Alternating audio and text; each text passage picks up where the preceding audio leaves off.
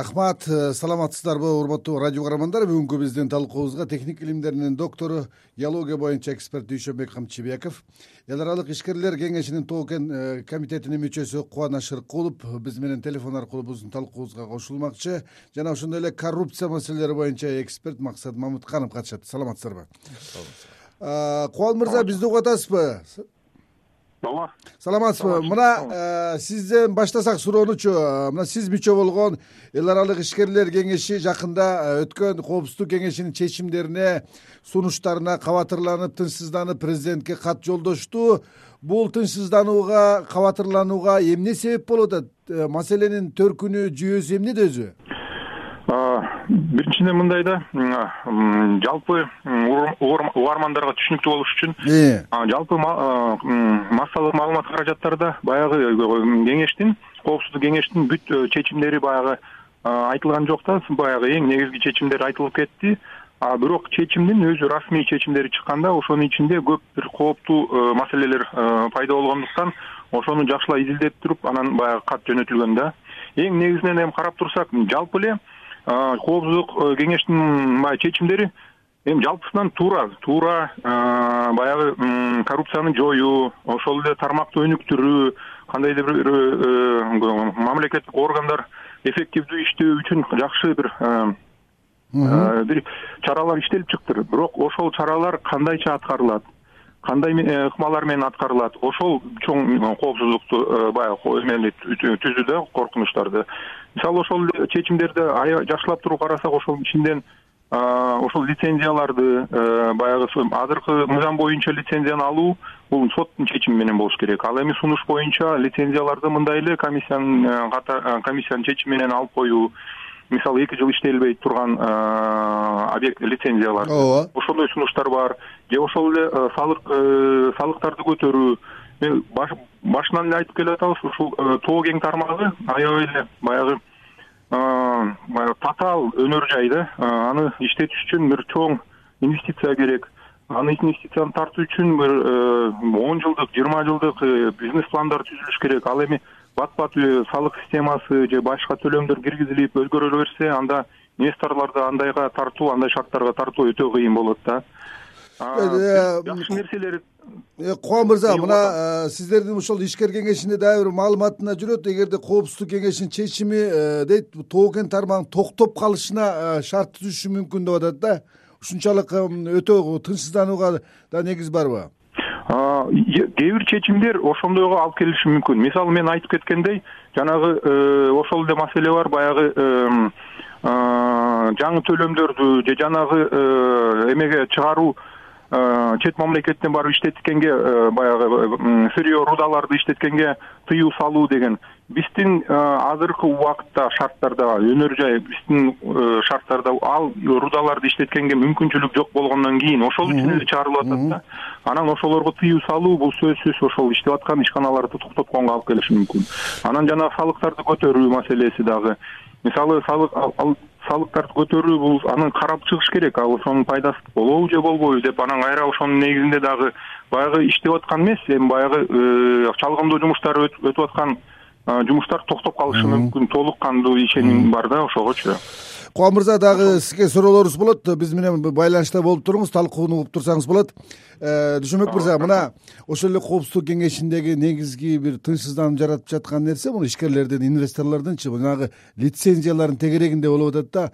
Өзгөчө жанагы бир адамга кырк бир лицензиянын берилип кетиши мындай бир топ талаш тартыш туудуруп атат сиз айтсаңыз деги лицензия кимге берилет? Канча мөөнөткө берилет? Э, канча сандагы лицензия берилет бир кишидеги? Мыйзам боюнча эми бүгүнкү күндө э, биздин ушул жер катнашынын мыйзамы э, ушундай бир э, шарт менен түзүлүп калган. Ага дагы өзүнчө бир себептер бар деп айтсак болот. Себеби биз бул жер казынасынын мыйзамына өзгөртүүлөр киргизилгенде деги эле конституцияга өзгөртүүлөрдү киргизгенде бул жер байлыгы кен байлыгы элдики эмес жеке менчик байлык болсо да болот деп ошондой бир сунуштар менен учурунда кабыл алынып кеткен да анан ошол тенденция уланып эле келген да уланып келген. Анан ошонун негизинде бул акыркы жолу э, эки миң он э, сегизинчи жылы жаңы өзгөртүүлөр киргизилген бул жер казынасы мыйзамына э, жогорку кеңеш кабыл алып анан президент кол коюп берген бул мыйзамда ушундай бир чектөө болбой калган да чектөө болбой калган. Каалаган адам каалаган адам учурунда беш лицензия алабы он лицензия алабы баягы тиешелүү документтерин даярдап толтуруп бере берсе ошол жеке ишкер болобу же мамлекеттик деңгээлдеги бир юридикалык коом болобу лицензиялар бериле берген да. Эми биз деле адистик катарында мындай болбойт деп учурунда сунуштарыбызды айтып келгенбиз. Негизинде чектөө болуш керек чектөө болуш керек.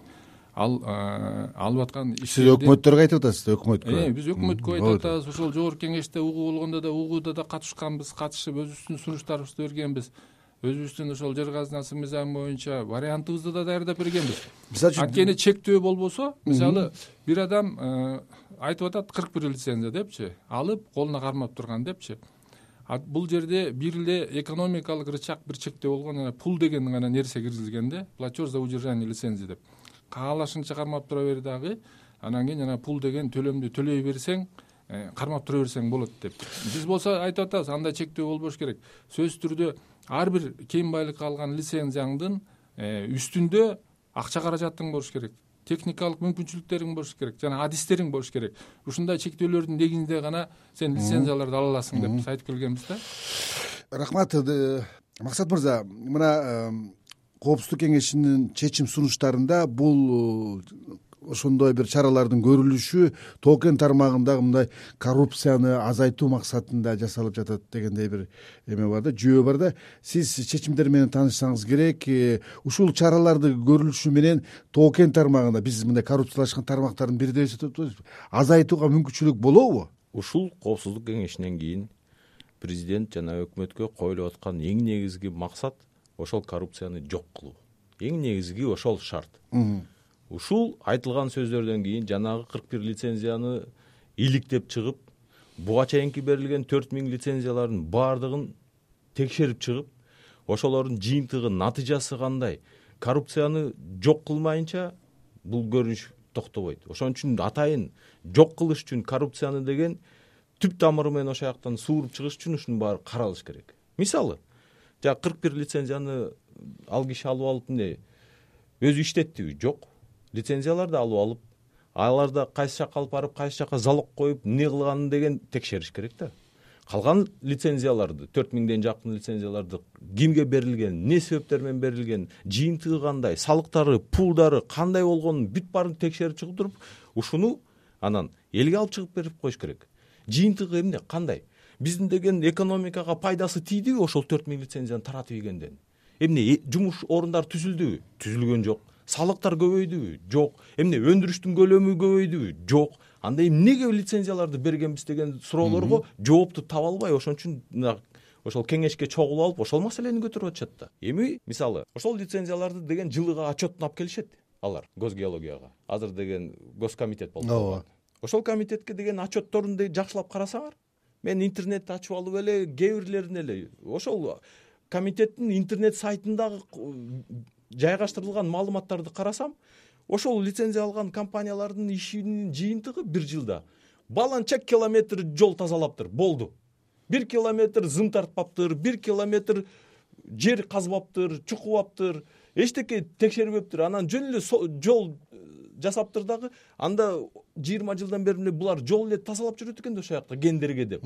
Анда буларды деген тоо кен министрлиги эмес буларды деген жол министрлигине эле киргизип коюш керек ошентип эле анан тазалап жүрөсүн да жолдордун баарын рахмат кубан мырза угуп атасыз бизди мына э, коррупция демекчи бул э, коррупциядан арылтуунун бир максаты мына лицензияларды да бир жөнгө салуунун дагы бир максатын өкмөт мындан көрүп атат жана санарип программасынын негизинде лицензия берүүнү автоматташтыруу электрондоштуруу деп атат да. Ушул чаралар көрүлсө бул маселе бир жөнгө салынат деп ойлойсузбу ал туура мисалы ошол эле автоматташтыруу азыр деле э, мисалы лицензияларды текшерем деген киши ошол эле жанагы өнөр жай жер казына комитетинин э, сайтына кирип эле ошол жерден караса болот. Кайсы компанияга кайсы лицензия кайсы жерде баягы э, каралган. Ашунун баары азыр деле бар да маалыматчы. Бирок лицензия боюнча мен жана айтып кеткен коррупция боюнча ошо кээ бир жерлерде макулмун. Анан бирок лицензияны бербей коюп жанагындай кылуу мен ойлойм бул туура эмес болуш керек депчи. Бул башында ошондой болчу. Баягы эки миң он экинчи жылга чейинки жана мыйзамда анда бар болчу. Лицензияны баягы алып ошол лицензияга соглашение түзүп ошол анан соглашение негизинде баягы уланта берүү бирок ал иштечү эмес. Анткени ким барып текшерчү? Компания канча иштеген канча каткан жок анысынын баары жок болчу. Ошон үчүн баягы компаниялар уланта берип баягы инвесторлорду карап баягы сатууга э, сатууга даярдап ошентип турчу да. Анан кийин биз жанагынтип экономикалык э, эмелерди киргизкенбиз мисалы мен ойлойм да баягы э, мүмкүнчүлүгү жок же финансысы жок компаниялар келип атат деп. Чоң чоң тоо кең месторождениялар кеңдер мисалы алар анысы деле э, атайын э, категорияга киргизилген алар конкурс аркылуу кетет дагы. Экинчи категориядагылар алар аукцион катары кетет. Анан эми майда кеңдер болсо алар уже жанагы түзмө түз сүйлөшүүлөрдүн негизинде баягы акчасын төлөсө э, пулдарын төлөсө жанагы кармоо үчүн төлөмдөрдү. Эмнеге алар бош турушу керек. Компанияларга бере бериш керек. Баары бир жергиликтүү бюджетке пулдар түшүп атат. Бош турганча анан ал азыр ошол эле мисалы бир киши кырк лицензия кармап турганы ал мыйзам жол берип атат да ошогочу? Ал мисалы мыйзамды бузган эмес. Анда мыйзамды өзгөрткүлө мындай бир кишиге он лицензиядан ашык берүүгө мүмкүнчүлүк жок депчи ал жерде эме пулдарды төлөбөй койсо анда ошондо ошол сөзсүз ошолорду караш керек дагы. Анын негизинде анан лицензияны алууга мүмкүнчүлүк да бар да соттун аркылуу дүйшөнбек мырза мына дагы бир ушул маселе лицензияны уланталычы мына биздин билишибизче лицензия бир киши алат.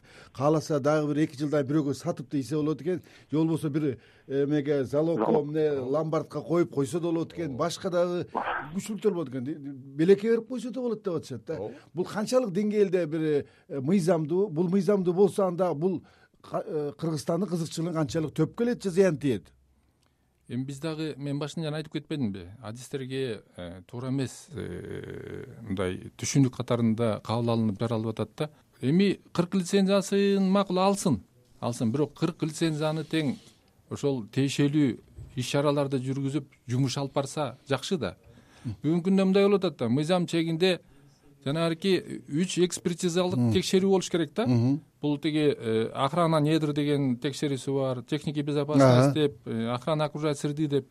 Мунун баарын мекемелердин баарына бөлүштүрүп койгон да бөлүштүрүп койгон анан эң негизгиси жанаг пул деген түшүнүк киргизилип калган да платеж за удержание лицензии деп. Азыр мисалы госкомитеттин андай дагы мүмкүнчүлүгү жок. Биринчи кезекте ушул экология маселеси боюнча дагы техника безопасность боюнча да охрана недр боюнча көзөмөл жүргүзүлө албайт. Аны охрана окружающей среды анан кийин тиги экотех инспекция жүргүзөт да. Эгер ошондой бир көзөмөл болгон күндө дагы булар ошол охрана недрден көзөмөл жүргүзүшүп көзөмөл жүргүзүп лицензия алынган лицензияда чалгындуу иштер жүрүп атабы жүргөн жокпу деп текшерүүлөрдү жүргүзсө болмок да бирок ошол коопсуздук кеңешинде эле президент тарабынан ал тиги структураларга мекемелерге дагы өзүнчө бир сын айтылбадыбы чоң сын пикир айтылбадыбы.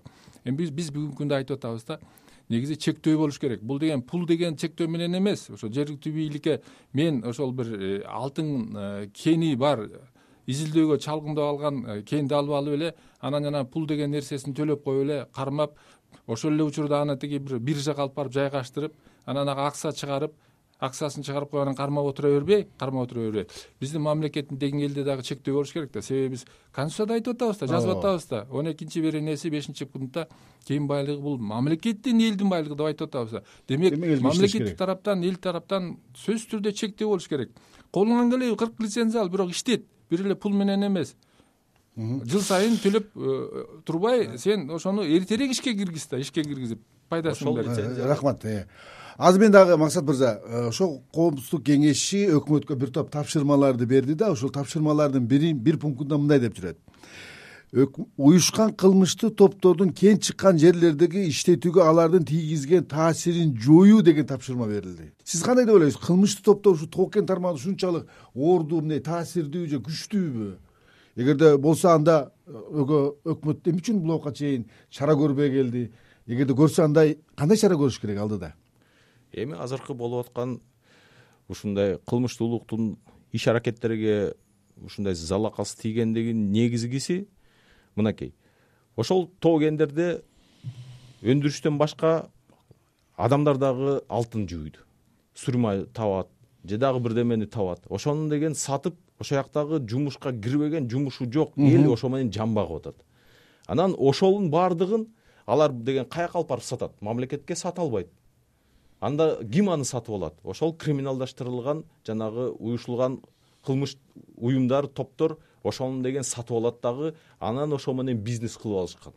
Мамлекет жасабаган нерсени жанагы лицензияларды кармап алган ишкерлер жасабаган нерсени кылмышкерлер жасап атат. Анткени эми нарын менен чаткалда деген алтынды кандай жууп атканын баарыбыз билебиз да. Ооба өзүңөр деле интернетке чыгарып атпайсыңарбы ооба. Алтынбектердин баары чыгып алыптыр алтын. Ошол алтынды ким алып атат деген маселени мамлекеттик деңгээлде эч ким көтөргөн эмес.